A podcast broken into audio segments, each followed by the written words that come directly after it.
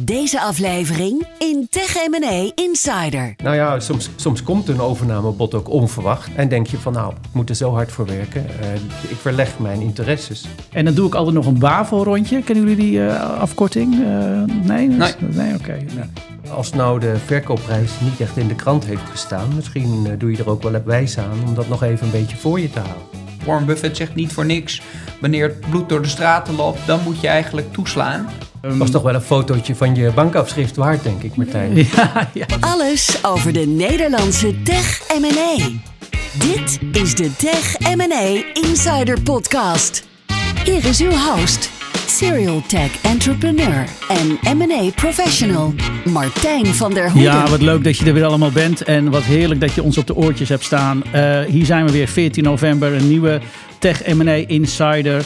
Nieuwe maand, nieuw thema. En uh, we hebben te gast uh, Van Landschot Kempen opgericht uh, 22 juli 1737. En daarmee de oudste onafhankelijke, oudste bank van Nederland. En aan tafel Maarten Lof. Wat leuk dat je er bent, Maarten. Dankjewel dat ik hier mag zijn op deze mooie locatie.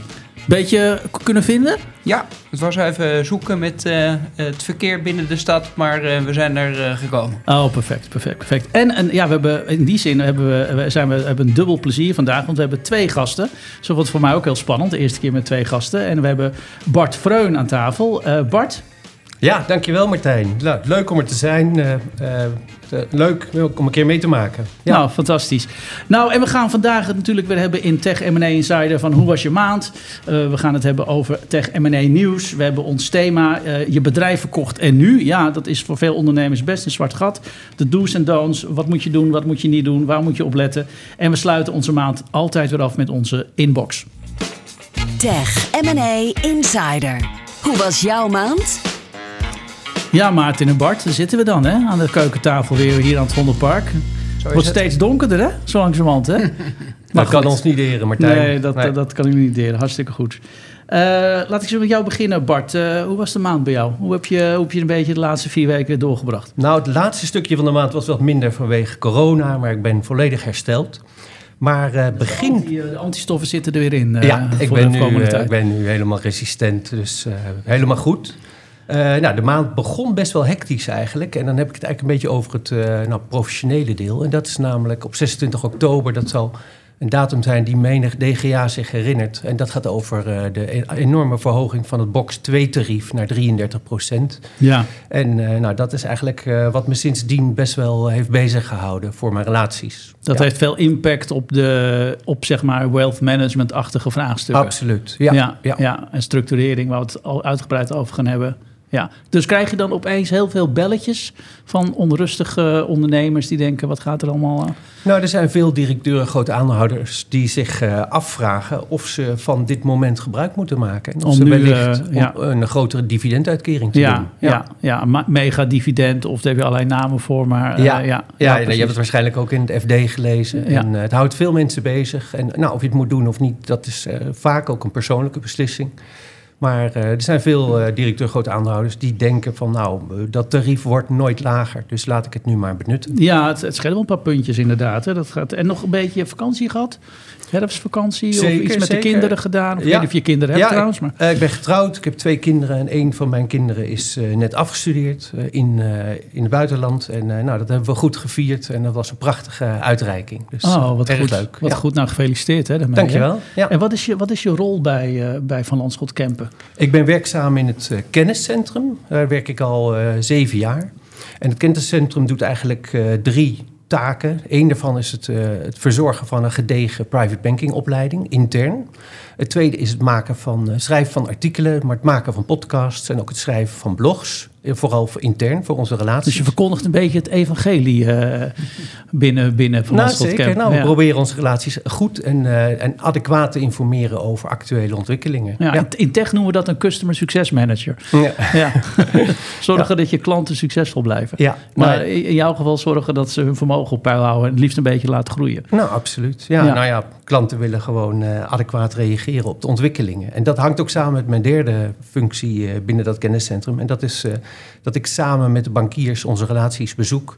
En dat we kijken naar een optimalisering van hun fiscale en juridische positie. Ja, en is dat bijna dan een soort van adviesbureau-achtige rol? Ga je dan een beetje al zitten op de, Je, je op de zit op de- KPMG's van deze wereld? Nou, En, dat eh, zeker niet. Maar eh, je zult begrijpen dat we, doordat we veel relaties hebben die in her- ja, vergelijkbare situaties verkeren, dat je, dat je daarvan leert en dat je dan eh, relaties erop Ja. kunt wijzen dat die mogelijkheden er zijn. En uiteindelijk zullen we altijd naar de fiscalist, de notaris en de accountant eh, verwijzen. En die Ja. zullen de uitvoering doen en uit- uiteindelijk advies geven. Maar je kijkt dat hele plaatje. Dus in die zin eh, heb je het hele plaatje in beeld van alle opties die er zijn. Om het, Nou ja, we hebben als eh, wealth manager hebben we de unieke positie dat we de hele financiële situatie van de relatie goed kennen. En Ja. daarnaast ook zijn persoonlijke situatie goed kennen. En soms wel meer dan alleen wat de notaris weet of wat de fiscalist weet. maar dat is dus niet alleen na een exit. Het is ook als, als mensen gewoon een heel goed lopend bedrijf hebben... wat zeer winstgevend is en daarmee een vermogen opbouwen. Ja, zeker weten, ja. Ja, ja. En dan opeens, en dan opeens komt er een moment dat je denkt... weet je wat ik ga doen? Ik ga Maarten invliegen. Zeker. En ja. wat doet Maarten?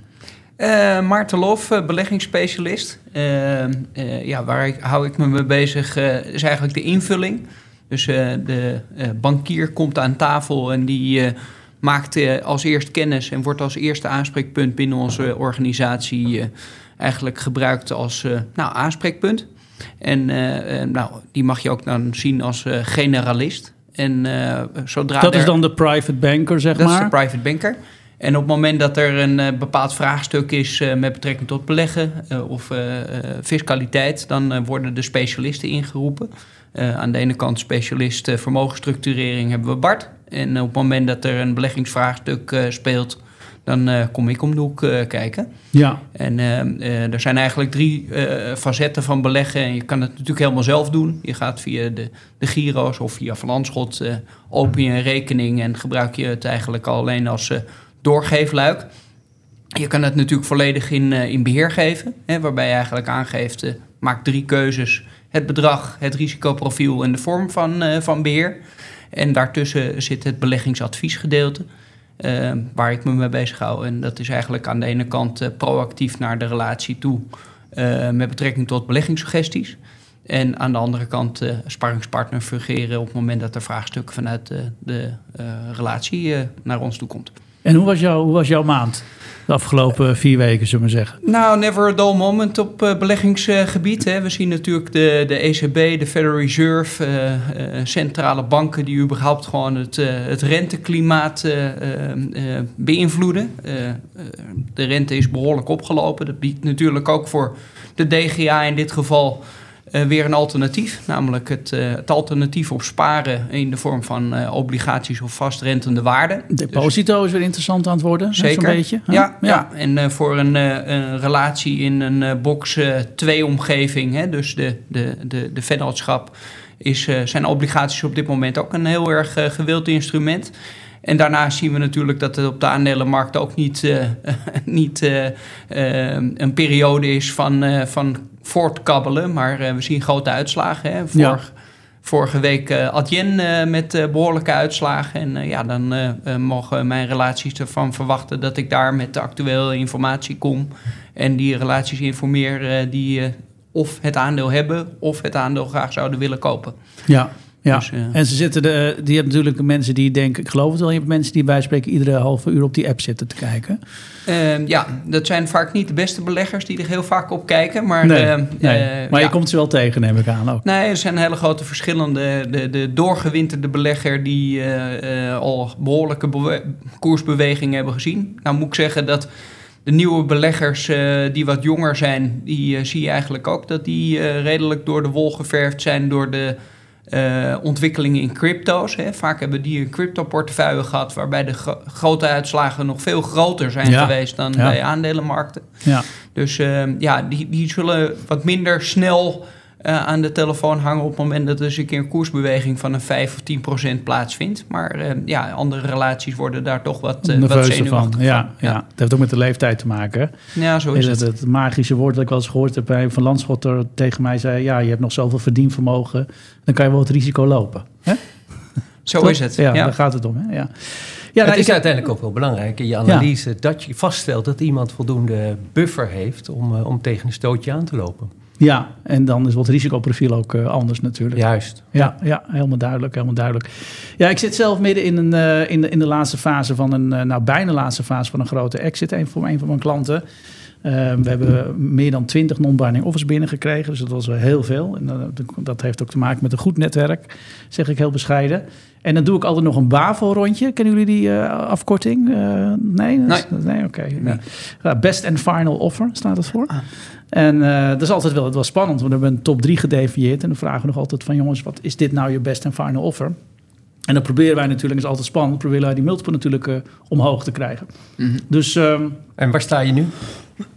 sorry. Um, ja, uh, sta ik nu qua wat? Qua, qua waardering? Ko komen er goede offers uh, binnen? Ja, ja, ja zeker, offers. zeker. En ja. dan wordt ook die multiple losgelaten. En dan gaat het er gewoon om... Dat is een beetje mijn vak natuurlijk. Dat laat weten dat er meerdere partijen zijn. En dan gaat het er gewoon om wie uiteindelijk echt toch de grootste portemonnee heeft... om zo'n deal binnen te trekken. Dus um, het gaat niet altijd alleen om geld... Maar dat is natuurlijk wel een belangrijk uh, element. Ja. Ja. ja. En speelt dan de, de, de, uh, het sentiment op de beurs dan ook nog parten? Uh, we zien natuurlijk de technologische concerns beursgenoteerd weer aardig in de lift zitten. Ja, ja. ja nou, de, de, met name de renteverhoging speelt parten. Zeker bij VC's en PE's die altijd natuurlijk een deel van hun investeringen via de bank proberen te doen of graag doen. Mm -hmm. En dan zie je wel dat als de rente oploopt, dat de multiples naar beneden gaan. Dus daar zit een soort van, er zijn een soort van communicerende vaten. Um, maar als je natuurlijk een aantal strategische kopers hebt en meerdere voor dezelfde partij, dan uiteindelijk uh, is, is, is, is ook een, een keuze die wordt gemaakt door een koper. Ik wil niet dat mijn concurrent deze fantastische techclub uh, in bezit krijgt. Dus dan, dan, dan gaan er andere energieën spelen, zullen we maar zeggen. Juist. En een echte SaaS hè, wordt er met name gekeken naar de, uh, de SaaS Capital uh, Index, die we ook al kennen, wordt er met name gekeken. Dus uh, software as a service wordt gewoon gekeken naar annual recurring revenue. Mm -hmm. En is, um, is, is, is, is dat eigenlijk een veel belangrijkere graadmeter, churn, lifetime value, dan, uh, want dat geeft zekerheid op de omzet, dan, uh, dan de invloeden van, van de beurs. Maar het speelt altijd wel mee natuurlijk. Hè? Het heeft wel, links en rechts heeft alles invloed. Oekraïne heeft invloed, Israël heeft invloed. Spelen de voorkeuren van de, van de verkoper ook nog een rol? Of gaat het echt wel om, om het bedrag? Nou, ja, uiteraard, als het bedragen dicht bij elkaar liggen. He, maar um, uiteindelijk is het wel money talks. Hè? Ik bedoel, als jij op een je bedrijf kan verkopen voor een enorm bedrag... waar je twintig jaar keihard voor hebt gewerkt... dan uh, moet je in hele, moet je hele sterke, in sterke schoenen staan... Dat je, dat je zegt, nou, ik ga voor de helft bij een veel betere kopen... voor mijn, uh, voor mijn klanten en voor mijn medewerkers. Maar ik kan me voorstellen dat bij een strategische koper... Uh, dat dat er misschien altijd een hele lastige concurrent is geweest. En dat je denkt, nou, ik wil aan iedereen verkopen behalve aan deze persoon. Ja, dat, dat kan zeker. Dat kan zeker. Dus het zijn ook lastige overwegingen. En hoe ver ga je dan in het DD? Dus um, uh, ja, dat, dat speelt, speelt allemaal mee. Uh, maar ik, in, deze specifieke casus heb ik, heb ik de, de, de, laagste, zeg maar, tot en met de hoogste. Er is een factor 3 tussen. Dus het geeft wel aan dat netwerk gewoon heel belangrijk is. En net de juiste koper vinden op het juiste moment voor de juiste propositie. Omdat het dan net past in een strategie. Die betalen gewoon andere multiples dan een standaard uh, financiële investeerder die gewoon kijkt naar de PL. Dus dat speelt zeker. Tech M&A Insider Nieuws. Ja, we gaan weer kijken naar het, uh, naar het tech M&A nieuws uh, van, uh, van, van afgelopen, afgelopen maand. En we proberen zo dicht mogelijk bij de actualiteit te zitten. Um, ja, Funda kennen we allemaal natuurlijk, hè? Zeker. Ja. Kijken we graag op. Ja, ja wil, je, wil je verhuizen? Zeker, ja. Ja, ja dan, wordt, uh, dan kan je inderdaad in de keuken kijken, letterlijk bij de mensen, de mensen die op Funda staan. Um, fantastisch platform. Omzet van 44 miljoen, ruim uh, 16 miljoen winst. Dus dat ziet er allemaal fantastisch. Uh, hey, ja, dat zijn fantastische cijfers. Hè. Um, maar daar zit een conglomeraat in van natuurlijk... de, de, de, de NVM blokkeert al jarenlang de verkoop van deze club. Um, is, ook, uh, is ook meerderheidsaandeelhouder. Er zitten wat minderheidsaandeelhouders in. Maar nu gaat het toch, toch eindelijk lukken.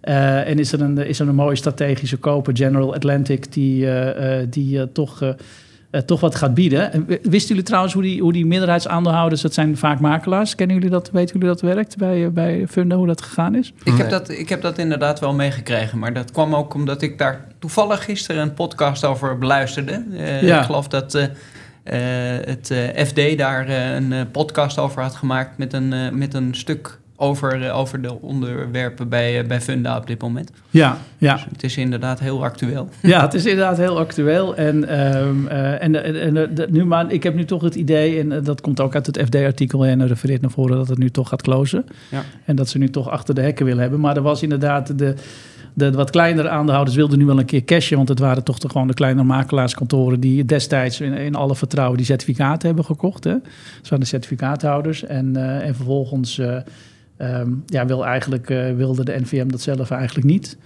En, eh, maar nu gaat, het, nu gaat het wel gebeuren. Hè? En, eh, nu zijn ze op één lijn. Nou, ik kan me voorstellen dat die makelaars op dit moment in deze marktomstandigheden, waar misschien eh, de huizen verkopen ietsjes terug eh, zijn gevallen, nu eens even boter bij de vis willen zien. Ja, ja, en ook daar komt de vergrijzing om de hoek kijken. Dus daar zijn ook gewoon heel veel makelaars die zeggen... joh, ik heb daar twintig jaar geleden iets in geïnvesteerd. Ik wil het nou wel een keer terugzien. Ja. Het Dus, zal eh, zeker lucratief voor ze zijn. Ja, het, is zeker lucratief. Het is, goede, het is een goede waardering. eh, ehm, goede waardering. Ehm, dus, ehm, dus nee, dat, dat ziet er goed uit. En dan hebben we, eh, ja, we hadden het er een beetje, beetje over. We zien toch dat het tech-M&A-landschap, eh jij gaf ook wat aan, dat dat toch weer enorm aantrekt. Hè? Ja, zeker ja. Kijk, het is nou niet zo dat ik dat heel van dichtbij volg, maar wij zien vaak de bedragen langskomen die dan worden ontvangen bij verkoop van een onderneming.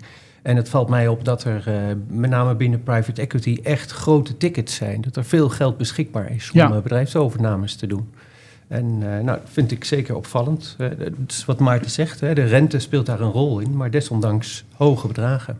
Ja, en wat, wat, wat, ik, wat ik ook zie in mijn praktijk, ehm, is dat je dat, dat uiteindelijk ehm, dat een private equity die al een fund heeft, zeg maar, dat is dus een fonds waar al geld in is opgehaald.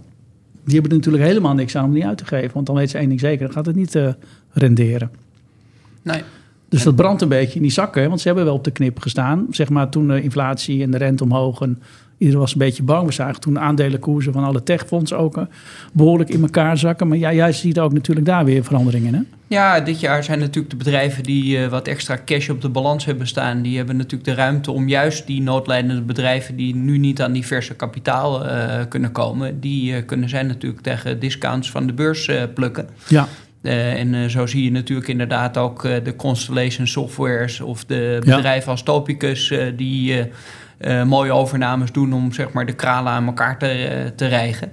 En ik denk dat eh, ja, de, de AI-hype eh, bij de introductie van OpenAI natuurlijk ook een, eh, een aardige boost heeft gegeven aan alle bedrijven. En de waardering ook die bedrijven kunnen vragen voor de, voor de verkoop van, eh, van hun onderneming. Ja, AI is een soort eh, commodity geworden, hè, zo langzamerhand. Hè. Ja. Er is geen student die het niet meer gebruikt. En eh, ik moet zeggen, eh, in een van mijn ta- tech-startups gebruiken wij het ook. En zeggen, joh, wat is de beste manier om, eh, bij wijze van spreken, een onboarding te doen van je klant. En dan krijg je zo drie, vier goede e-mails. En ja, dat, het gaat allemaal veel sneller. Hè? Dus dat zijn toch dingen die, eh, die, gaande, die gaande zijn. Ja, het automatische pingetje. We hadden het net over Funda. eh, om maar weer even de terugkoppeling te maken. Eh, ja, wij krijgen gewoon eh, van, van de relaties die wij bedienen. op het moment dat die hun huis verkopen. En dan, dan krijgen wij daar gewoon een melding van. Hè? Dus dat is natuurlijk door artificial intelligence is dat mede mogelijk gemaakt. En ik denk dat ons werk natuurlijk ook een heel stuk makkelijker wordt gemaakt. Op het moment dat de relatie aan mij vraagt hoe werkt een obligatie, dan zat ik in het verleden denk ik een kwartier te tikken om dat goed eh, over, de,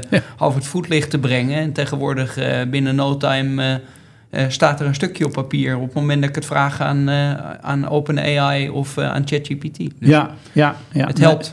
Ja, nee, absoluut. En je ziet ook steeds meer eh, eh, praktische toepassingen in je eigen werkomgeving. Dat er weer een stukje AI wordt ingeschoven. Voor je het weet raak je daar eigenlijk heel natuurlijk, eh, natuurlijk aan gewend.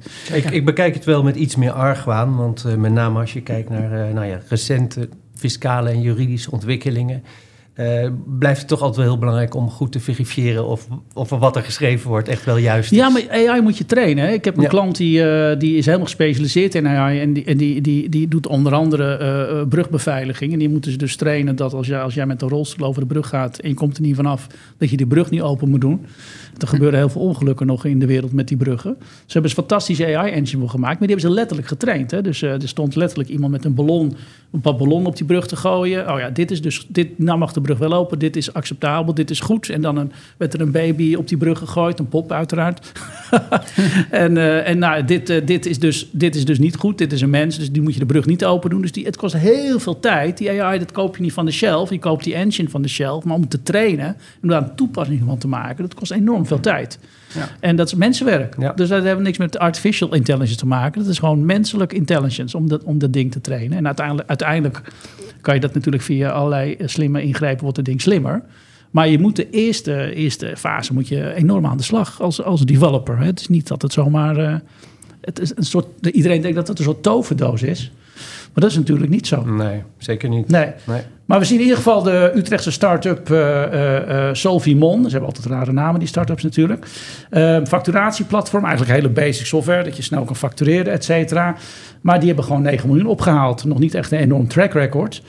Maar ja, er zitten, zitten jongens achter, onder andere van, van Atjen. Dus die die, die, je ziet toch dat het klimaat ook weer aantrekt, dat start-up klimaat. En dat, dat, dat, dat mensen weer risico durven te lopen. Zeker. Ja, het is voor bedragen kan je bij Camper niet ophalen. Als je start-up bent, moet je toch bij VC zijn. Hè? Nee, je ziet natuurlijk de kredietverstrekking vanuit banken, dat je die uh, eigenlijk wat terug ziet, uh, ziet lopen. Je ziet natuurlijk de kapitaalmarkt ook uh, met argusogen kijken naar de bedrijven die nog helemaal geen winst maken. Dus je ziet bedrijven die uh, nog weinig operationele kaststroom genereren, dat, dat soort bedrijven op dit moment uh, in het uh, hoekje zitten waar de klappen vallen. Denk daarbij beursgenoteerde bedrijven als CM.com, Ebusco, Just Eat Takeaway. Hè, allemaal, denk Nederlandse particulieren al geliefd aandeel geweest, maar behoorlijk onder druk. En dan zie je eigenlijk aan de tegenovergestelde kant, hè, de bedrijven die wel vrij veel kaststromen hebben uh, vrij veel cash op de balans hebben staan, dat die op dit moment garen spinnen. En dan zie je ook dat dat soort bedrijven 40, 50,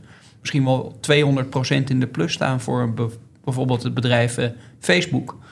dus uh, je ziet heel erg grote verschillen in de, in de markt met betrekking ja. tot. en, en AI, ja, als je het in de naam opneemt als in je ticker, dan ga je automatisch al omhoog. Ja, ja is dat zo, ja? Ja, er zijn bepaalde bedrijven die uh, helemaal niks met uh, uh, technologie te maken hebben, maar AI in de naam hebben staan. En daardoor automatisch omhoog zijn geschoten. Dus je ziet ook wel de excessen eh, ontstaan. Ja, maar die term wordt ook enorm uitgehold. Hè? Want je ziet gewoon wat we vroeger gewoon een algoritme noemden. Dat heet tegenwoordig AI, als je niet oppast. Hè? Dus, dus ja, dat is absoluut waar.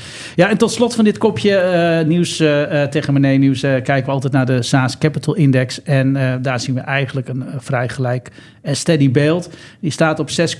En um, dan hebben we het over 6,3 maal annual recurring revenue. Dus niet maal EBITDA. Dus... Um, Um, die blijft stabiel en dat is mooi. En die stijgt denk ik licht binnenkort. Tech M&A Insider Topic. Ja, en dit is waar jullie voor zijn gekomen natuurlijk. Het hm. thema van de maand. Uh, bedrijven kocht en nu uh, is eigenlijk uh, het kopje met vraagteken.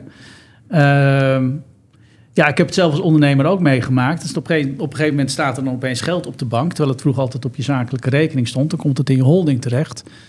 Um, bij de meeste ondernemers veel meer geld dan dat ze vroeger op hun eigen bankrekening hadden staan. Dus dat is ook al een, een, een soort van aparte beleving, zou ik bijna zeggen. Maar, um, was toch wel een fotootje van je bankafschrift waard, denk ik, Martijn. Ja, ja, want het, ja, want als je weer gaat investeren, gaat ondernemen, dan gaat het weer snel naar beneden natuurlijk. niet, dat is niet de bedoeling. Nee, dat is niet de bedoeling, maar dan zit het weer in andere dingen. Dan zit het weer in andere dingen. Maar dat is inderdaad ook de vraag. Wat past bij je? Wat moet je nou doen? Waar begin je? Um, uh, ik weet wel dat veel, veel ondernemers de banken allemaal gaan bellen opeens. Hè? Waar, waar, je vroeger nooit een bank aan de lijn kreeg, ben je dan opeens interessant. Hè? Dat, ja. Dat zijn ook wel die pingetjes wat, uh, waar jij op uh, doelde, denk ik, die je dan krijgt. Hè? Zeker. Eh, ja, kijk, voor, de, voor de grootbank is het natuurlijk automatisch... Ehm, op het moment dat je een, een, een, een rekening bij een grootbank hebt... en je hebt daar bij wijze van spreken 1000 euro op staan... en er komt ineens een groot bedrag binnen... dan gaat er automatisch natuurlijk, gaan er diverse deuren open... Uh, wij zullen het toch wat meer nodig hebben van, uh, van mond-tot-mond reclame of juist ja, involved ja. bij de deal. Uh, omdat uh, ja, wij hebben natuurlijk geen uh, retailbank. Dus wij moeten het wat meer hebben van de, de grotere vermogens op het moment dat ze daadwerkelijk bekend zijn. Ja, ja Of- nee, precies. Of Maar- in, het, in, het, in het traject daar naartoe natuurlijk alvast involved zijn, zodat we weten dat er een bepaalde deal eh, gaat landen. Ja. Dus, eh, ja. Ja, Ja, dus ons die- ultieme doel is natuurlijk dat die bankrekening al lang bestaat op het moment dat het bedrag eraan komt. Maar ja, daar, bij, daar bij Van Landschot Kemp eh, bedoel ja, je? ja, zeker. Maar zijn jullie echt een bank voor ondernemers dan? Absoluut, absoluut. Kijk, de, de truc voor ons is natuurlijk om al aangehaakt te zijn op het moment dat iemand eh, voornemens is of, of al denkt over bedrijfsoverdracht. Zodat we daar nog eh, kunnen, in kunnen begeleiden. Ja. Maar als dat niet zo is, nou ja, dan eh, stappen we graag later in. En dan laten we graag eh, in een heel kort tijdsbestek zien wat we voor deze mensen kunnen betekenen. Maar wat moet je nou sowieso niet doen? Wat zijn de don'ts? Dus daar is mee te beginnen. Je hebt, je hebt opeens 10 miljoen op je bankrekening, wat voor bedrag het ook is. En dan? Nou, ik, ik denk dat je jezelf eh, de rust moet gunnen om even het stof te laten dalen. En niet als een gek eh, die hele grote auto's te gaan kopen en eh, die enorme investeringen te doen. Ik denk dat je daar jezelf even de tijd voor moet gunnen. Ja. Maar goed, soms zijn de bedragen zo groot dat het allemaal niet uitmaakt. Dus, eh, maar goed, dat, dat is denk ik een. De- Gewoon ga eens gesprek aan met, met een aantal mensen die daar ervaring mee hebben. Het kan ook een, iemand zijn die, die ook zijn bedrijf heeft verkocht. Om, en dat, dat zou dus bijvoorbeeld via ons netwerk kunnen. Om, om eens te spreken over hoe heb jij dat gedaan? Wat zijn jouw ervaringen? Wat, eh, wat heb je als eerste gedaan? Eh, hoeveel Mhm. tijd heb je jezelf gegund om het stof te laten dalen? Ja. En dan? Wat gaan, hoe ga je dan te werk? Nou, wij, wij, Want geld op de bankrekening kost geld. Hè? Uiteindelijk gaat het steeds omlaag. Mm, nou ja, ja, zeker. En als je niks doet, bedoel ik. Ja. Het geld wordt steeds minder waard uiteindelijk. dat is dus als je niks doet, blijft je vermogen in principe niet in stand. Maar ik denk dat er één, één belangrijk punt is, en daarvoor zit Bart vaak aan tafel. Hè. Fiscaliteit speelt natuurlijk ook een rol. Zeker, Hè. In hoeverre wil je de volgende generatie meenemen in het nieuwe vermogen? Eh, welke doelen zijn er? Hè? En om dat goed in kaart te brengen, daar heb je eigenlijk een vermogensstructureerder voor nodig, of een fiscalist. Hè, we hebben kandidaat-notarissen in dienst die gewoon kijken van oké, het bedrag is binnen, wat voor belasting moet daar nog over eh, betaald gaan worden of is dat al betaald? Eh, is het privévermogen, is het BV-vermogen? Eh, is dat ook een juiste verhouding? Maar als we even uitgaan van heel veel van mijn luisteraars, hè, want die ken ik wel zo langzamerhand een beetje. Die hebben een, be- een mooi techbedrijf, die verkopen dat. Die krijgen op een gegeven moment een vermogen in een, in een holding. Ja. Eh, het staat dus in een, eh, dat is dus, er zit dus een vrijstelling op. Eh, de- de- daar betaal je in ieder geval geen belasting over. Dus er staat dan opeens een bedrag in die holding. Ehm, laten we even ervan uitgaan dat je, eh, dat je denkt... ik vind het ook wel aardig om aan, aan mijn kinderen wat na te laten. Hè? Bij wijze van spreken. Maar dat soort vraagstukken, hoe, hoe, gaan, jullie er, hoe gaan jullie daarmee om? Nou, kijk, ik, ik benader dat eh, vanuit vermogensstructurering. Dus ik breng eerst de situatie heel goed in kaart. En wat doe ik dan? Ik kijk naar de structuur van het gezin. Hè, dus wat zijn de leeftijden? Wat is het huwelijksgoederenregime? Zijn er testamenten bijvoorbeeld? Wat zou het effect zijn als die eh, ondernemer onverhoopt gisteren was overleden? Ja. Eh, nou, dat is eigenlijk een eerste stap. Vervolgens kijk ik, nou, dat vermogen zit in de BV. Nou, realiseer je dat eh, een BV eh, balansdeponeringsplicht heeft. Dus dat vermogen is zichtbaar voor derden. Er zal best een nieuwsgierige buurman zijn die daarin geïnteresseerd is. Dus zijn er nog mogelijkheden om te voorkomen dat dat vermogen, eh, ja, de, de zichtbaarheid daarvan aan de derde kan worden onthouden. Dus dat is een, een laten we zeggen, een structuurkwestie. Ja. Nou, vervolgens eh, ga je kijken van nou, wat, wat heb je op langere termijn voor plannen met dat vermogen. Hè? Dus je maakt een soort indeling, een soort asset-allocatie van hoe wil ik dat allokeren. Wil ik eh, wellicht, zijn veel geslaagde ondernemers, hebben een onderneming verkocht. En die willen eigenlijk, nou, die zijn nog jong, die willen doorinvesteren. Die zien het best wel zitten om met een deel van hun vermogen nog een gokje te wagen. Of juist eh, heel gericht een nieuwe activiteit te ontplooien. Nou, moet je daar misschien een nieuwe structuur voor opzetten. Waarin je ook je kinderen kunt betrekken. Dus dan betrek ik ook tegelijkertijd het woord estate planning in de situatie. Hè? Hoe kan ik mijn kinderen betrekken in de overdracht van mijn vermogen aan die kinderen? Dus die worden bijvoorbeeld aandeelhouder in een nieuwco... en Juist. je leent geld aan die nieuwco Ja. eh, om, om die start-up te financieren. Precies. En als dat weer gaat renderen, hebben die kinderen weer op een hele fijne manier eigenlijk equity opgebouwd, zonder dat ze zich ergens hoefden in te kopen. Ja, dat zou een hele goede mogelijkheid zijn. Dus hè, we propageren sowieso veel eh, vermogensoverdracht naar de kinderen. Maar wel met een eh, juiste dosering en ook met behoud van en niet meteen met eh, advies van je moet naar België verhuizen en daar tien jaar blijven zitten, want dan heb je geen, geen erfbelasting. Nou, dat is, kijk, dat is een heel erg persoonlijke keuze. Hè? Dus eh, sommige mensen zijn heel erg fiscaal gedreven, maar anderen Ja. zijn juist vooral blij met het geld dat ze verdiend Of hebben. blij in Amsterdam. Of blij, ja zeker. ja, en, en waarom zou je dat niet zijn? Ja, ja, ja. ja, zeker. Dus eh, Ja, een vriendje van mij woont in België en ik zeg altijd, nou, ik heb genoeg geld om in Amsterdam te blijven wonen. nee, dat doe ik altijd om te pesten hoor. Ja, nou ja, ja. Dus eh, nou goed, da- daar zijn natuurlijk altijd mogelijkheden. Maar ik denk dat dergelijke mensen dat altijd wel een beetje in hun achterhoofd hebben gehouden. Van als, als dan die, eh, dat bedrag binnenkomt, nou dan eh, ligt dat misschien in het verschiet. Maar dat hadden ze misschien dan al wel iets eerder moeten bedenken. Hè? Ja, Dan, dan, eh, ja. dan is het juist niet zo verstandig om te verkopen terwijl je nog in Nederland woont. Dan kan Nee, dan kan je dat een- beter daarvoor doen, Juist. structureren Ja. en dan de exit eh Dus dat is in feite mijn tip. Van, eh, kijk, als je Dat is een hele goede tip, eh, denk ik. Ik denk niet dat veel ondernemers in de daily, eh, dagelijks praktijk en de, de druk van de dag er überhaupt over nadenken. Nee, nee. Nou ja, soms, soms komt een overnamebod ook onverwacht. Ja. En denk je van, nou, moet er zo hard voor werken. Eh, ik, ik, ik, leg, ik verleg mijn interesses. Maar ik, denk eh, als je, dat, als je dat bij wijze van spreken eh, in de fase doet dat je al de non-binding offers om de ta- op de tafel hebt en dan ga je fiscaal helemaal los, zeg maar, dat dat, dat, dat fiscaal ook niet echt wordt geaccepteerd. Nee, zeker niet. Dus dat nee. moet inderdaad gewoon een paar jaar van tevoren, bij wijze van spreken. Als je denkt over drie jaar wil ik mijn tent misschien, misschien verkopen, laat ik nu al dat op die wijze structureren. Absoluut, ja. En, Ja. eh, en met name ook eh, als, als je nou zoiets als anonimisering van je vermogen een heel belangrijk onderwerp vindt, dan moet je dat ook al aanpakken tijdens, eh, de, tijdens de periode dat je dat bedrijf nog hebt. Daar zou je dan op da- in die fase al op kunnen anticiperen en niet pas later. Dan is het veel lastiger. Ja, ja, want dan staat het er al en dan is het al onzichtbaar en transparanter. Ja, Ja, Ja. ja. ja, En wat ik toch nog even wilde melden. We hebben natuurlijk weer een, een mooie vriend van de show. Ook deze uitzending weer. Advocatenkantoor Rutgers en Porsche. Voor al jullie M&A-vragen op het gebied van legal. En eh, kijk even op mijn website. Ook een groot netwerk van ondernemers in de techwereld bereiken? Word een vriend van de show. Kijk voor de mogelijkheden op insiderpodcast.nl. Kom ik denk ik meer bij jou weer terecht. Hoe laat je dat vermogen nou op een goede manier, een veilige manier toch een beetje renderen? Nou ja, eh, het juist in kaart brengen van denk ik dat hele vermogen en welke potjes er eigenlijk her en der al zijn. Dat noemen we eigenlijk het compartimenteren van vermogen. Je hebt bijvoorbeeld de woning, je hebt misschien nog een deelneming, eh, misschien zit je nog voor een eh, groot percentage in het bedrijf en dan loop je daar toch een soort van marktrisico.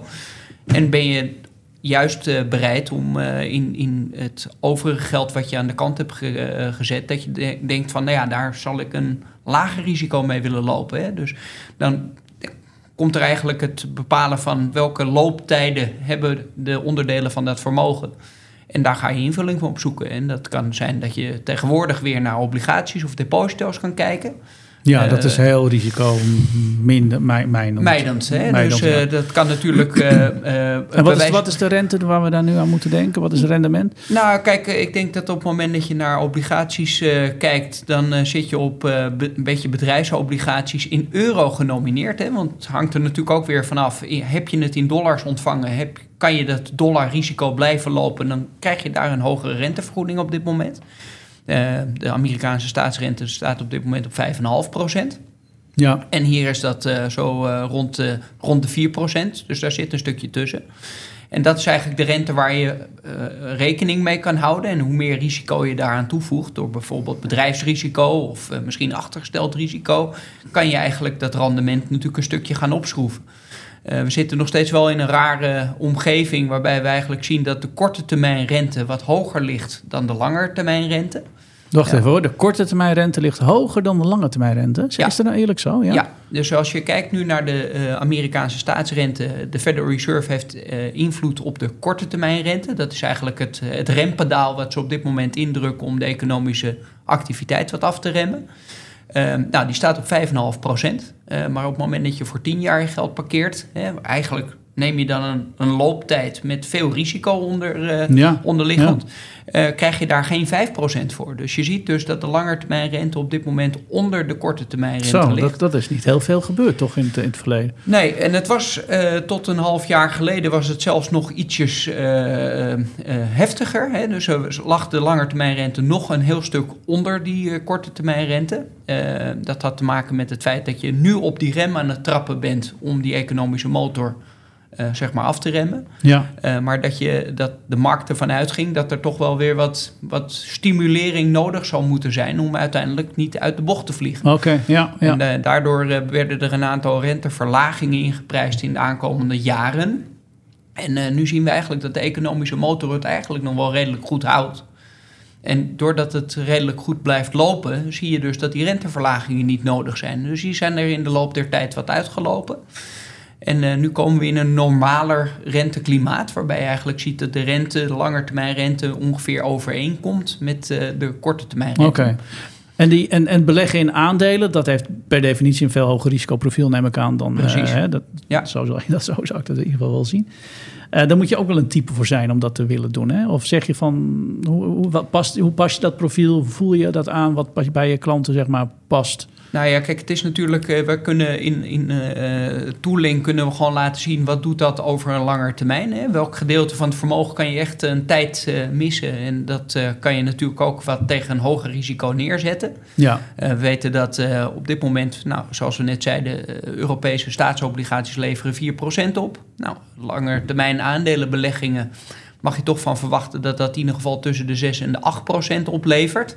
Eh, vaak ook eh, wat beter corrigeren voor inflatie en rentebewegingen. ja. Hè, dus je, je en zal wel lekker blijven zitten en eh, geen gekke dingen doen tussentijds. Nee, je moet het geld echt niet nodig hebben. En je moet Ja. ook niet inderdaad in die periode van pijn in je buik... dat je echt denkt van, nou ja, nu gaat het echt helemaal mis. Dat zijn vaak de momenten dat je juist moet gaan kopen. Hè? Warren Buffett zegt niet voor niks... wanneer het bloed door de straten loopt, dan moet je eigenlijk toeslaan. En Ja. op het moment dat er complete euforie is... eh, dat Ben je is al te laat, Ja, ja. dat Ja. is vaak de contra-indicator. Dat zijn de theoretische verhalen die iedereen begrijpt. Hè? Maar als, als het echt gebeurt, hè? dat hebben we ook met COVID gezien. Hè? Ja. Toen het allemaal een enorme klap kreeg, die hebben natuurlijk ook wel belletjes gehad in eh 2000, wat was het, 20 hè? Ja, het ging binnen drie weken ging er 35% van de Ja. beurs af. Ja. Eh, eh, dat zijn de periodes Toen Dat- bij slimme mensen hebben toen veel gekocht. Nou ja, kijk, Ja. eh, ook. ook hè, dus de doorgewinterde belegger die bleef rustig en kon heel makkelijk door die periode heen. Maar dan merk je dat je als beleggingsadviseur wat meer op de emotionele kant zit om die relatie inderdaad hè, de kikkers in de kruiwagen te houden. Eh, om geen eh, eh, vervelende beslissingen, namelijk het verlies te gaan nemen. Want ja, dan weet je in ieder geval dat dat gedeelte van het vermogen niet die herstelkracht kan laten zien. En wat we de afgelopen tijd hebben gezien is dat na COVID, na die 35% daling, er binnen twee, drie maanden een, weer een hogere koers stond dan voor de daling. Dus Ja, het ja. kan vrij snel gaan bij deze Ja. Nou, dat renteomgeving. mag- zagen we in tech ook eh enorm, enorme dip. En dan opeens was het... eh, en dat kwam inderdaad hoger uit dan, dan voor, eh, Ja, voor COVID. ja. Maar Ja, wat aardig is om misschien aan te vullen, Maarten die had het al over compartimentering van het vermogen. Opdelen in, in, eh, in delen van het vermogen. Waarvan wij dan ook eh, bepaalde tooling gebruiken. Hè. We noemen dat vermogenshorizon. Dat is een, eh, een, een, een, tooling op basis waarvan we eh, van scenario-analyse eh, op basis van duizend economische scenario's kijken naar de ontwikkeling van het vermogen. Ja, En dat, daarbij, eh, nou, dat kan dus voor de relatie behulpzaam zijn om eh, vast te stellen welk profiel het beste bij hem past. Maar ook hoe, hoe dat vermogen zich zou kunnen ontwikkelen. Dus we, we geven bijvoorbeeld ook weer van ja, wat er in het eerste jaar, hè, dat korte termijn risico van een portefeuille, wat er dan zou kunnen gebeuren. En wat ook op langere termijn met die portefeuille zou, zou kunnen gebeuren. En zo zou je dus een deel van je portefeuille zo kunnen vaststellen. Waarvan je zegt van nou, dat vormt eigenlijk de basis voor mijn beleggingsportefeuille. Waarvan ik eigenlijk eh, mijn hele leven zou moeten kunnen leven. Ja. Hè, Dus zeg maar, het- mijn, eh mijn het ligt netto- wel aan je levensstandaard, hè? hoe hoog dat Absoluut, bedrag is. Hè? ja. En dat, dat is juist het moeilijke. Ja. Dat is moeilijk om daar Ja. een inschatting van te maken. Want Ja. het kan wel eens flink eh, stijgen. Maar goed, ook daar kun je mee rekenen. Ja. kan ook heel confronterend zijn. Hè? De- we hebben eh, ondernemers die hun eh, toko hebben verkocht. En eh, waarvan je dan op dat moment ziet... eh, nou, die denken, wij, wij zijn eh, financieel onafhankelijk. Ja. Eh, en dat je laat zien wat de, de belastinginvloed op dat vermogen En, en natuurlijk inderdaad misschien wel een Levensstijl. een, een levensstijl eh, Ja. doet met dat vermogen. En waarbij je kan laten zien van ja, als je dit nu blijft doorzetten zonder dat je dat eh, belegt of eh, dat, Dat- je daar een bestemming voor vindt, dan is de pot eh, binnen 10, 15 jaar op. En wat dan? Ja. Dus het is ook. eh, Mag je weer solliciteren. Hè? Ja, nou precies. Ja. Maar je zult begrijpen dat in de tijden dat de inflatie zo hoog was... Nou, dat er best wel relaties waren van... goh, zou je het nog eens kunnen doorrekenen? Want eh, met deze inflatie heb ik zelf geen rekening gehouden. Ja, dat, dat, dat, dat weet ik ook met mijn eigen adviseur bij Van Landschot. Dat, dat, dat een discussie hadden over wat is dan eh, nog het verdienvermogen. Hè? En, en, en waar ben je nog allemaal mee bezig? En, en eh, in mijn eigen geval vind ik het hartstikke leuk om te ondernemen. Dus ik heb heel bewust ervoor gekozen om een deel van mijn vermogen gewoon weer te steken in een nieuwe start-up. Ehm, eh, en, en, en, en ja, dat, dat, dat ziet men dan natuurlijk eh, als bank als enorme risico's. Hè? Terwijl als ondernemer denk je, dit wordt helemaal fantastisch. En dat gaat zo direct weer Ja. de SaaS Capital Index multiple op. En tegen zes keer eh, revenue kan een rentetje van 6% nooit op natuurlijk. Dus dat ga ik gewoon doen. Nou dus ja, je zolang je maar gewoon je boterhammen kunt blijven kopen. Dat is natuurlijk wel belangrijk. Ja, nee, nee, nee, absoluut, absoluut. Dus ik denk dat het inderdaad heel erg ook wat, die- wat je ermee doet en hoe, hoe bestendig dat vermogen is, hangt heel erg ook af van je eigen ambitie daarin natuurlijk. Maar ik, ik geef je helemaal gelijk. Uiteindelijk heb je op dat stuk wat je zelf investeert, heb je natuurlijk invloed. Ja. Hè, dus dat is ook heel erg fijn. En eh, ik denk dat eh, nou, menig ondernemer dat, dat toch in het bloed heeft zitten. Maar dat is juist het belangrijke van dat opdelen van het vermogen. Hè. Daar neem je dus de risico's. Ja, waarvoor zou je dan risico's aan de andere kant gaan nemen? Hè, wij pretenderen ook niet, haal alles naar Van Landschot en doe alles bij Van Landschot. Zou natuurlijk hartstikke mooi zijn. Ja, dat Eh, vinden jullie natuurlijk mooi. Ja, maar maar ik, ja. eh, op het moment dat ABN AMRO eh, of een andere partij eh, een deel van de, van de taart heeft gekregen... en daar bijvoorbeeld een obligatieportefeuille staat... dan hoeven wij niet hetzelfde te gaan doen. Nee. Dus nee. wij kijken eigenlijk eh, als, als wealth manager wat meer over de hele situatie heen. Wat doet iemand al? Hè, dat boxje is dan al ingevuld. Nou, dan hoeven wij dat boxje niet in te vullen. Dan gaan we kijken wat kunnen we wel complementair aan het geheel eh, toevoegen, waardoor misschien het risico iets terug wordt gebracht. Ergens wordt belegd waar iemand nog niet over heeft nagedacht. Ja, Eh, ja. En ik denk, eh, nou, een fiscale rol. Ik denk dat aan die kant een hele hoop geld wordt verdiend, wat menig ondernemer onderschat. Ja, ja, ja, ja, ja. Nee, absoluut, absoluut. En wat het nadeel ook altijd is natuurlijk met, met, met, met, met het fiscale verhaal... is dat het iedere keer weer verandert. Hè? Dus in die zin is dat ook best wel een onzekere, onzekere factor... waar je het net over had natuurlijk. Hè? Dat, eh, dat, dat alles weer ja. omhoog gaat of dan weer omlaag. Nou ja, ander onderwerp, excessief lenen. Ik denk dat jullie er ook Ja. genoeg belletjes over hebben gehad. Heel dat er veel, toch ergens een huisje in Frankrijk staat van 2 miljoen... toevallig van de BV geleend, maar dat wordt niet meer geaccepteerd. Hè?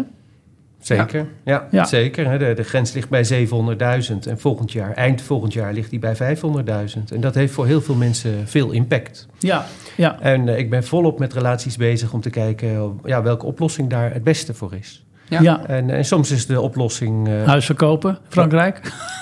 ja, dat is er één, maar dat is Ja. niet altijd even makkelijk verkocht. En eh, Nee. dat moet dan ook wel voor het einde van het jaar passeren. hè? Ja, want het is de balansdatum van eh, 31, 12, 23. Hè? Juist, ja. Ja.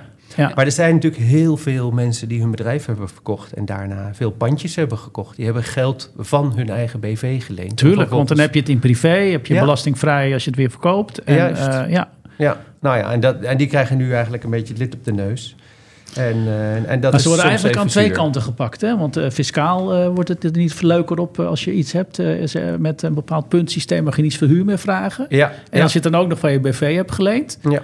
Dan ben je helemaal aan de aap gerocheerd. ja, nou die wet middenhuur die is er nog niet helemaal doorheen. Maar eh, de, Ja, de jongen ja. die is daar druk mee bezig. Die is daar druk mee bezig. Hè? Ja. Ja, ja. Dus dat is aan de ene kant. Aan de andere kant eh, de box 3-heffing enorm verhoogd hè, naar 36 procent. Dus eigenlijk effectieve heffing van 2,17 procent. Dat is toch wel best wel veel.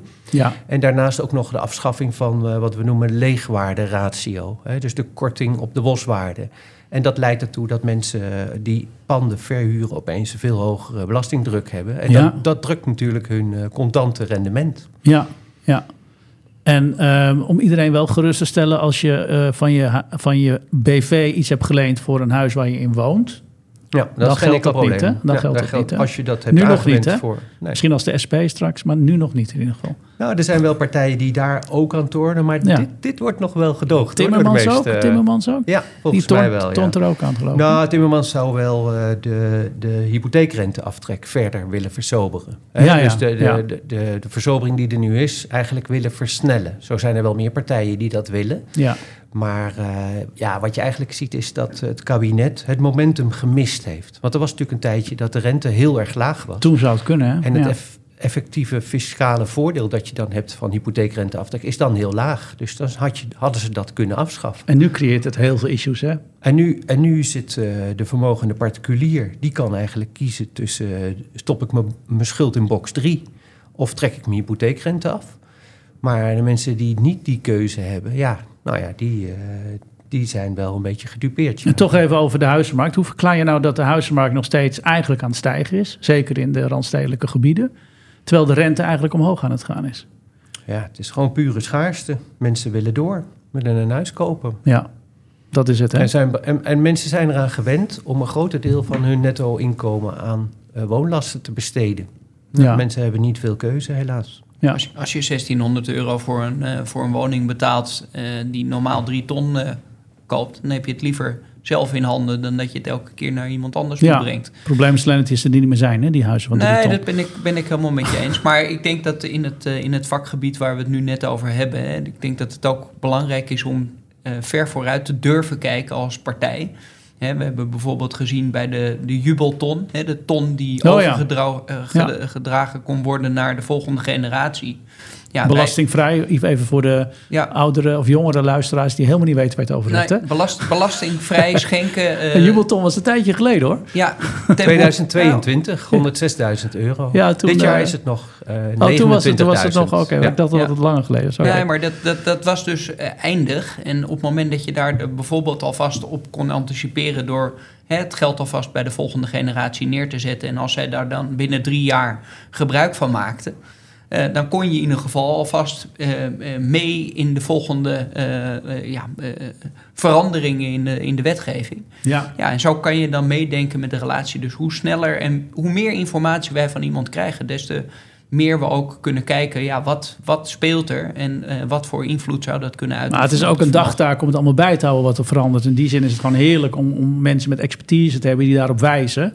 Ja. En, en, en continu eigenlijk met vinger aan de pols kijken wat er allemaal aan wetgeving verandert. En wat er op de beurs gebeurt en het hele plaatje. Ja. eh, in Ja, beeld- daar zijn wij continu mee bezig. Ja. Om te kijken welke wijzigingen zijn er en welke, Ja. conse- ja, welke Consequenties, concrete, ja. concrete consequenties heeft dat voor onze Ja, relaties. ja. Ja.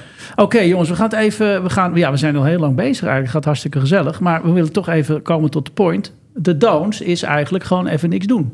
Dat is eigenlijk, eh, of de, de do is niks doen. En de, de don't is dat je te veel doet als je opeens dat geld op de bank hebt staan. Dus even laten bezinken, advies inwennen, inwinnen. Ja. Eh, en, en, en, en dan eens gaan denken, wat wil ik eigenlijk met mijn leven? Wat wil ik met mijn volgende, wil ik het aan mijn kinderen nalaten? Wat, wat gaan we doen met dat vermogen? Maar laat, ga eens met veel mensen praten, maar doe in ieder geval nog helemaal niks. Maak geen keuzes. Ja. Dat is een enorme goede tip. Ja, ik denk ook dat bijvoorbeeld eh, als nou de verkoopprijs niet echt in de krant heeft gestaan, misschien eh, doe je er ook wel wijs aan om dat nog even een beetje voor je te houden. Zeker, Want veel mensen zullen je opeens als eh, de, de beste suikeroom gaan beschouwen. ja. En ja, je wordt eigenlijk de bank van de familie. Misschien heb je daar helemaal geen zin in. En je zult merken wat, dat, wat voor impact dat heeft op, Op de, relatie met je familieleden. Ja, ja, Nee, nee, absoluut. Dat is, moet je zeker niet. dat is een hele goede tip. Maar wat ik echt wel een, een, een eye-opener vond. En zo leerde ik ook weer wat. Is dat je tijdig die herstructurering moet aanpakken. Wat je zei, voordat je het bedrijf verkocht hebt. eh, dat je daar fiscaal al naar kijkt, maar ook naar overdracht naar kinderen al naar kijkt. Wat je dan al kan regelen om het op zo'n fiscaal vriendelijk mogelijke manier. En, en eh, zo'n gestructureerd mogelijke manier al pre, of eigenlijk pre-exit al te hebben geregeld. Zodat je post-exit daar de vruchten van, eh, vruchten van plukt. Eigenlijk moet je het hele plan in de stijgers hebben staan. En eh, Ja. na, naarmate het steeds concreter wordt, dat je dan eigenlijk nog aan de kleine knopjes hoeft te draaien om het te fine-tunen. Ja, Hè, zodat je eigenlijk al een plan van aanpak hebt. En dan eh, ga en dat je... zijn met name die compartimenten. Dat is ook weer zo'n doel. Hè? Van, eh, kijk dan naar welke compartimenten je dat wil indelen. eh, Wat heb je al? Vastgoed, Ja. eh, eh, cash, eh, aandelen. Eh, Ja, in- niet beursgenoteerd. In de eigen onderneming, In de eigen zit onderneming. al, zit al eh, mogelijk wat, eh, wat vermogen. Of een nieuwko opzetten met je, met je kinderen en met je kids. En, en dat goed financieren. En zorgen dat, dat, waarde, dat je daar waarde creëert. Ja, het liefste heb je eigenlijk al je kinderen laten invaren voordat je verkoopt. Hè? Dus Ja, onder ja, de BOR-aandelen aan de kinderen geschonken. Ja. Maar, maar goed, eh, die vooruitziende blik heeft niet iedereen. En soms kan En het ook soms niet. is het ook dat die kinderen helemaal echt niks mee te maken willen hebben. En dan Nee. ook uh, dat, dat het, het, het is allemaal heel persoonlijk hè, wat jullie doen. En een enorme vertrouwensrelatie. Hè? Dat is, uh, dat is hetgene wat we nastreven. Ja. Ja, ja. Maar je kunt ook wel uh, zien dat uh, ja, de, de, impact die het heeft van opeens zeer vermogend te worden. Uh, dat, je, dat je heel goed na gaat nadenken van, nou wil ik mijn kinderen daar wel direct aan blootstellen? Hè? Nou, behouden zij wel uitzicht op hun eigen carrière of hun eigen opleiding die ze willen voltooien? Ja. Um, en, uh, en, en, als je dan vermogen aan die kinderen wilt overdragen, zul je dat waarschijnlijk eerst met behoud van zeggenschap willen doen. Ja, zeker. Hè? Zodat ja. je de kinderen daarin kunt meenemen en begeleiden in het hebben van investeringen, het hebben van, uh, van beleggingen. Ja. Zodat ze ook wennen aan het feit dat beleggingen ook wel eens kunnen dalen. Ja, nee, absoluut, absoluut. Nou, enorm bedankt voor deze insight. En uh, we hebben nog een vraag in onze inbox volgens mij. Tech M&A Insider Inbox. Ja, we hebben nog een vraag binnengekregen van Chantal. Achternaam laat ik als altijd weer achterwege. En uh, nou, dit is eigenlijk een beetje bijna al beantwoord, maar we gaan hem toch stellen aan jullie. Uh, of aan, aan, aan het panel, zullen we zeggen. Uh, uh, beste Tech M&A Insider, ik heb net mijn bedrijf verkocht. Uh, ik was mede aandeelhouder. Uh, minderheidsaandeelhouder, zet ze nog bij tussen haakjes. En ik wil graag uh, een deel van mijn vermogen achterlaten aan mijn kinderen, waar we het net over hadden. Uh, hoe kan ik dat het beste aanpakken? Dus deze Chantal heeft niet vooraf dat gestructureerd. Is dat dan toch nog een tip van jullie? Ja, nou, Chantal die kan natuurlijk van alles doen. Maar als we ervan uitgaan dat haar aandeel al verkocht is, hè, dus liquide is, zou ze dus schenkingen kunnen doen. Ja. Hè, en dan is ze gebonden aan de vrijstellingen die er zijn, maar je kunt ook boven de vrijstelling schenken. En wat is nu de schenkingsbelastingdruk? De, de, huidige schenkingsvrijstelling is 6.035 euro, dus dat is uh, bescheiden. Ja, dat is bescheiden, ja. Maar daarboven zou je dus een bedrag van 138.000 euro kunnen schenken en dan betaal je, betaalt de begiftigde 10% schenkbelasting. Oké, okay. ja. dat is nog te overzien. Juist. En zij zegt, ja, ik wil het graag achterlaten. Dus ze suggereert eigenlijk dat het er dan zelf niet meer is. Ja, dat zal ze dan door middel van een testament kunnen doen. Maar gewoon ook het Nederlandse erfrecht uh, houdt ook al in dat het naar de kinderen zou vererven. Dus, uh, en dan is het en, ook weer belasting betalen? En dan, dan is het belasting betalen, ja. En dan gelden natuurlijk dezelfde tarieven. Dus boven een bedrag van 138.000 betaalt het kind 20 procent. Ja. Dus ja. waar doe je goed aan? Je doet er goed aan door dat vermogen gefaseerd over te hevelen naar die kinderen. En dan telkens bijvoorbeeld die eerste schijf te, te Want dat benutten. scheelt 10%. Dat scheelt 10%. Ja, dus bij leven eigenlijk gewoon schenken. Niet wachten Juist, op ja. het testament. En ja. ik zeg dan altijd wel van, nou ja, uh, um, ja, ga dan met het kind in gesprek en zorg ervoor dat dat vermogen wel belegd wordt. Want het moet natuurlijk wel blijven renderen. Want als zij het op, vervolgens op een spaarrekening zet en het rendeert niet, ja, dan had je het beter zelf voor haar lucratief kunnen beleggen. Of, of, ja. en, en, en met wellicht een hoger rendement behalen, waardoor ze ook meer erft. Ja, ja, nee, ja, nee, nou, hartstikke goed beantwoord. Hartstikke goed beantwoord. Maarten, hier nog een tip bij of uh, heeft Bart het allemaal uh, gecoverd? Nee, ik hoorde het woordje beleggen weer voorbij komen, dus mijn uh, onderdeel is wel weer geraakt. Nee, ja, ja, precies. We hebben altijd Maarten nodig. Jongens, hartstikke bedankt voor jullie komst. Luisteraars, enorm bedankt voor het weer luisteren naar deze Tech M&A podcast. En zoals altijd, geef heel veel sterretjes en word abonnee op onze fantastische podcast. Als laatste wil ik nog bedanken onze platformpartners Computable, natuurlijk voor al je technieuws en Immerse, een fantastisch innovatief platform waar je al je innovatieve nieuws kan vinden. Allemaal weer bedankt en tot ziens. Bye bye. See you next time. Meer weten over Tech M&A en onze insiders? Kijk op insiderpodcast.nl.